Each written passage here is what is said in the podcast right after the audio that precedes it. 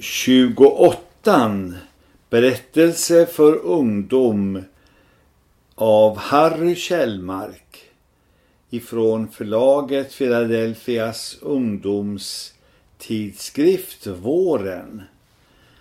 Förlaget Philadelphia 1944. Bara jag hör eller säger ordet 28 utlöser det en rad av minnen och synbilder.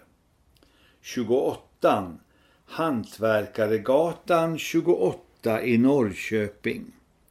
Gården intill 28 var min barndomsgård som med sina många byggnader och plank erbjöd en otäljbar serie möjligheter till pojkaktiga förströelser och lekar.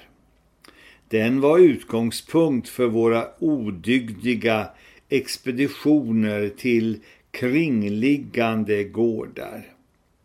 Hur ofta sökte vi ej med mer eller mindre framgång forcera det ett par meter höga planket som skilde gårdarna från varandra för att hinna undan förföljarna.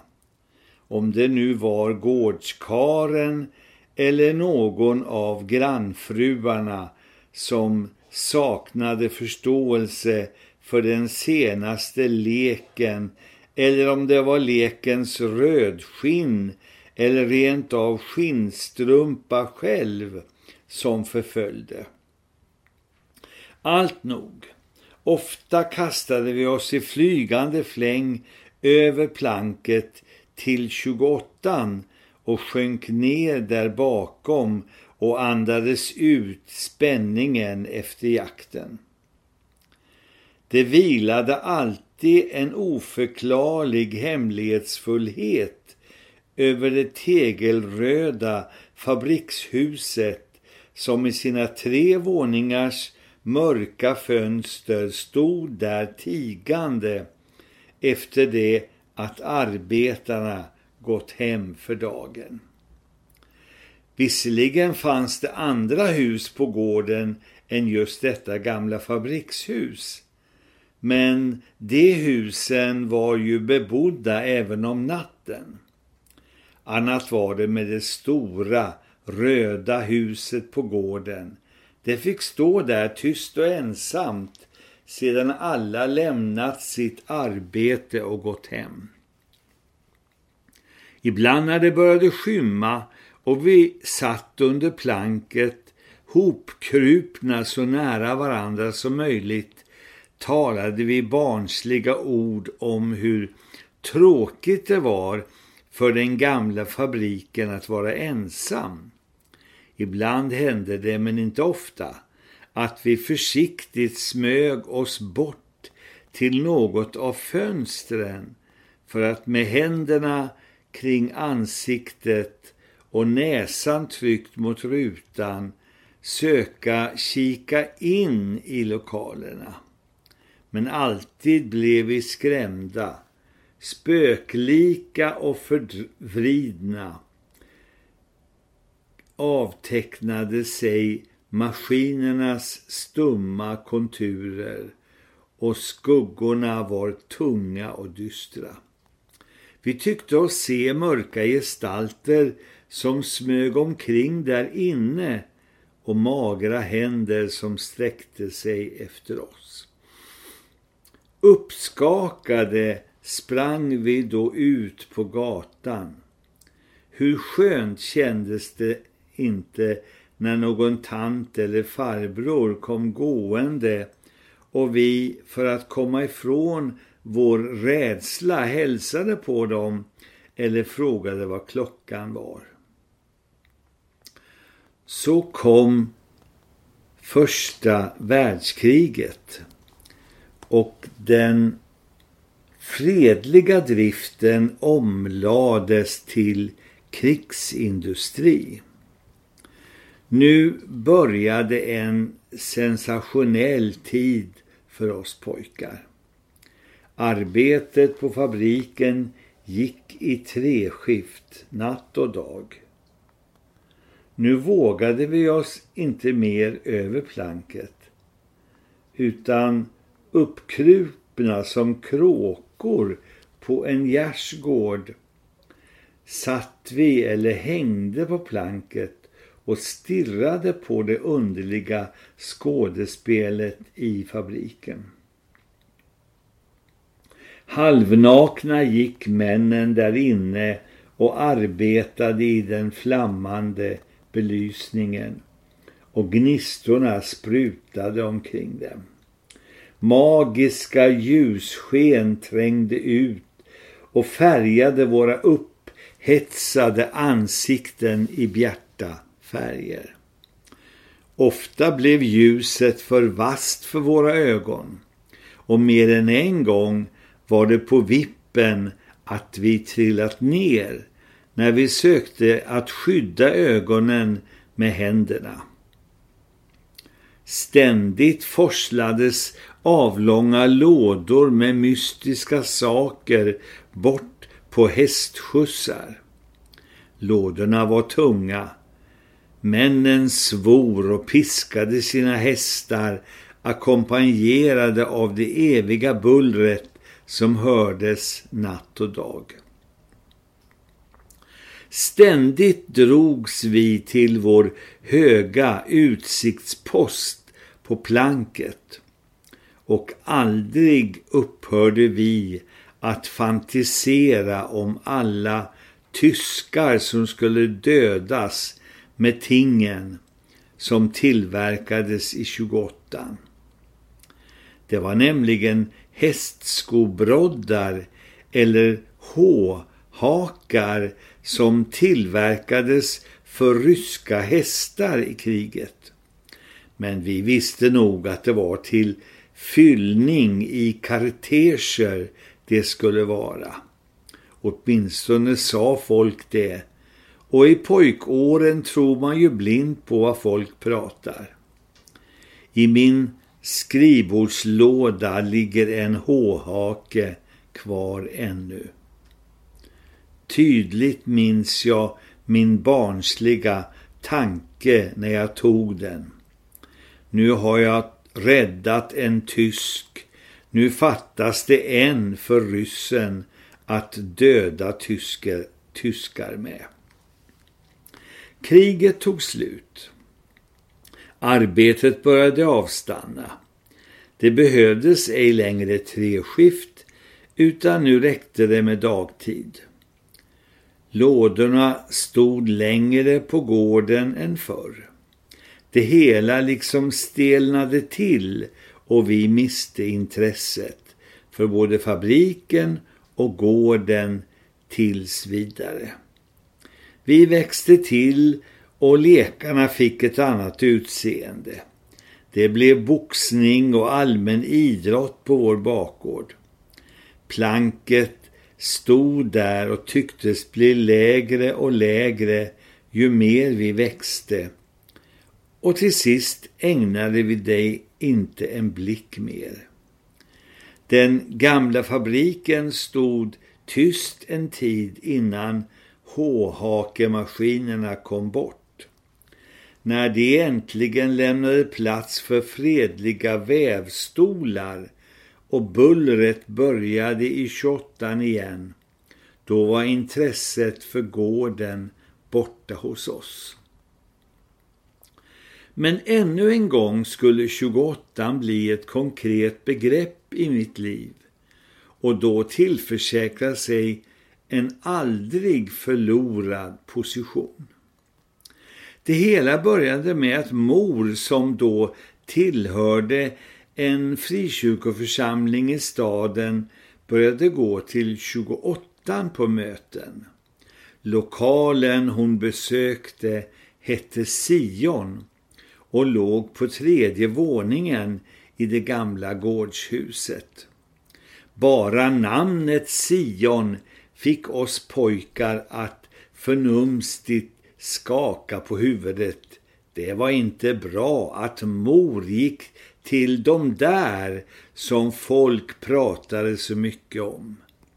Ibland förmanade vi mor, men med ringa resultat. Hon sa bara, i Sion är det härligt, dit ska ni gå pojkar. När mor dröjde lite längre någon kväll ibland, då gick vi upp i vindstrappan för att över gårdarnas kratrar se in i pingstvännernas väl upplysta lokal där vi visste att hon var. Nu var det mor vi spanade efter i vår barndoms gamla håhakefabrik där vi förr rysande stirrat på sotiga och svärande män. Ofta hörde vi sång från Sion och ibland hördes bönemumme långt ut på gatan. Då brukade vi åter skaka på våra huvuden och säga med allvarlig min Det är synd att mor ska gå dit. Men mor fortsatte att gå dit. Hon och hennes vänner gick stilla sin väg fram. Deras klädedräkt utmärkte sig för enkelhet och deras ansiktsdrag återspeglade renhet och helgelse. Predikanten var en ganska ung man som väckte min odelade förvåning för sitt förnöjda utseende och det ödmjuka sätt som han vandrade gatan fram på. Med biblar i sina händer samlades pingstvännerna till sina möten och många, sades det, blev anhängare av den nya sekten. Åren gick och mina vägar förde mig fjärran från hemgården med dess minnen och kära platser. Och sällan ägnades den gamla 28 en tanke. Brevledes kom det till min kännedom att mor som nu så länge gått ensam till Sion och alltid bett Gud att han skulle frälsa hennes många barn, nu hade fått bönesvar i det att fem av hennes åtta barn blivit frälsta och i likhet med henne hade sitt tillhåll i 28. När vi, jag var nu gift, vid ett tillfälle kom hem till föräldrahemmet och fann att allt som berättats oss i brev var sant. Då tyckte vi att marken brände under våra fötter. Troende vänner kom och gick i fars och mors hem och ofta sammanfördes vi med vittnen, predikanter ur pingstfolkets led. Alla var synnerligen trevliga och belevade och bemötte oss med förståelse och välvilja. Men aldrig skulle väl 28 kommit att spela den roll den senare gjorde om inte min hustru helt plötsligt och oväntat blivit frälst. Det blev en tid av motsättningar och nya tankar. Inför allt detta nya fylldes jag ibland av ånger över att jag begått som jag då tyckte den oförsiktigheten att stanna hemma så länge att risk för påverkan förelåg. I det längsta vägrade jag tro att min hustru menade allvar och mitt inre, i mitt inre hoppades jag att det hela var en vanlig religiös kris som snart hade sin övergång och som kanske hade det goda med sig att det gick åt lite mindre biopengar. Men så kom det verkliga slaget. Min hustru förklarade att hon tänkte döpas och bli medlem av pingsförsamlingen. Under dopförrättningen gick jag utanför 28 som ett rov för de stridigaste känslor. Men senare på dagen segrade känslan för det passande och jag lovade att bevista eftermiddagsmötet. Med bultande hjärta och ett förläget leende på mina läppar gick jag upp för den branta vindeltrappan. Det oförglömliga första intrycket etsade sig oraderbart fast i mitt minne. Lokalen var långsmal och låg till taket. I ena ändan var en estrad inbyggd i väggen och på var sida fanns det dörrar. Lamporna var små och fastskruvade direkt mot taket med undantag av en gammal kyrksalskrona som med sina snirklar gav en smula högtidlig prägel åt den forna fabrikslokalen. Jag förbigår mötets detaljer, hur predikanten talade eller sångarna sjöng. Jag hade bara ögon för en enda sak. Hur hade min hustru redan hunnit få så många och goda vänner där uppe? Överallt vinkade händer och nickade huvuden. Glada halleluja-rop omväxlade med lyckönskningar och blinkningar och menanden uttryckte tydligt att de redan hade hemligheter tillsammans. Hur jag kom från mötet vet jag inte. Men mitt gamla syndaliv fick en våldsam grundstöt och det var med uppbjudande av alla mina krafter som jag lyckades kasta mig utanför dörren.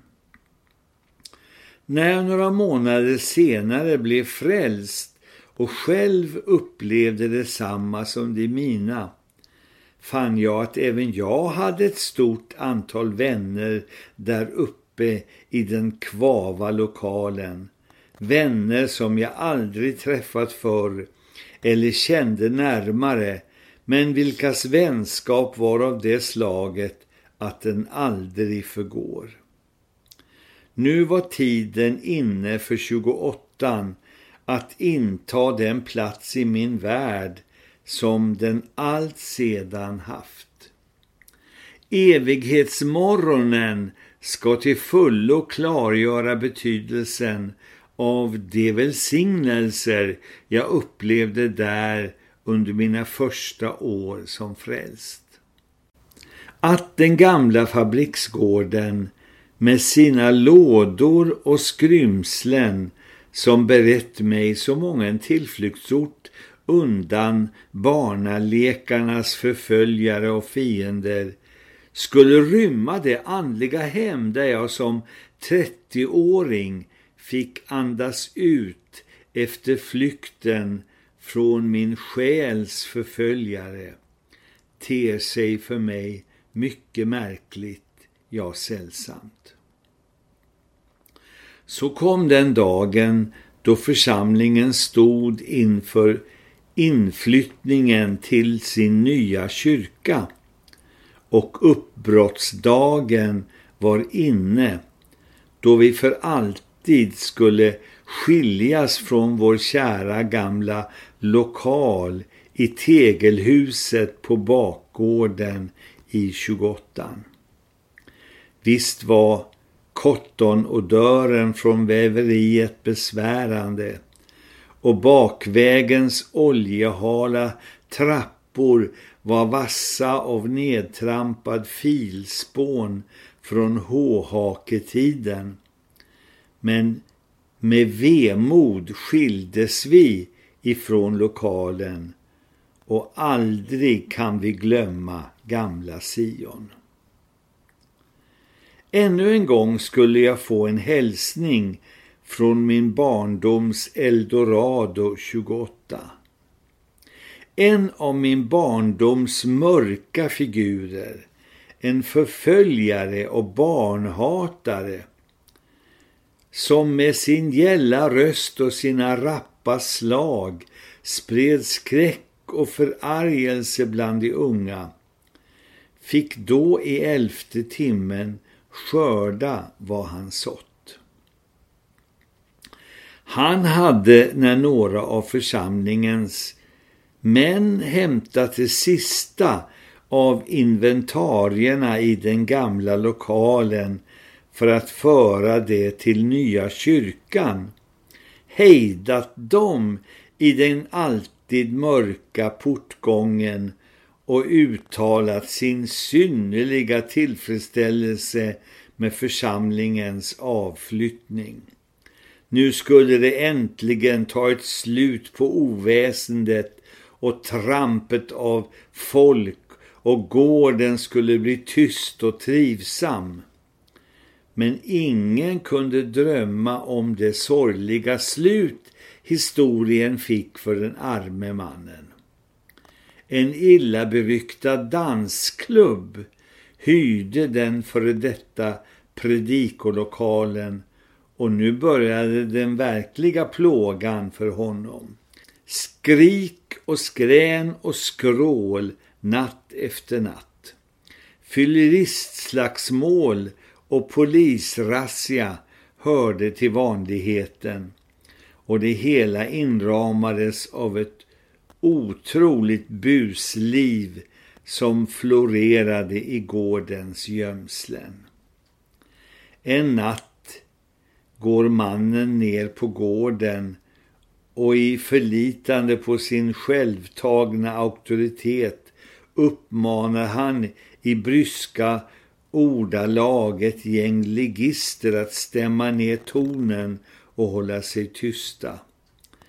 Men aktionen resulterade i en bastonad av sådana mått att den arme mannen en kort tid efteråt lämnade gården som en bruten man och bosatte sig långt därifrån. Den gamla 28 har blivit ett begrepp i mitt liv. Den rymde min barndoms mest nervkittlande lekplatser där försiggick mystiska saker som äggade vår barnsliga fantasi under första världskrigets magra år. Där skänktes mig i mannaåldern all den lycka den nyfrälsta människan känner inför vetskapen att äga ett andligt hem och en krets av trogna bröder och systrar. Och till sist, där oskadliggjordes min barndoms skräck och buse.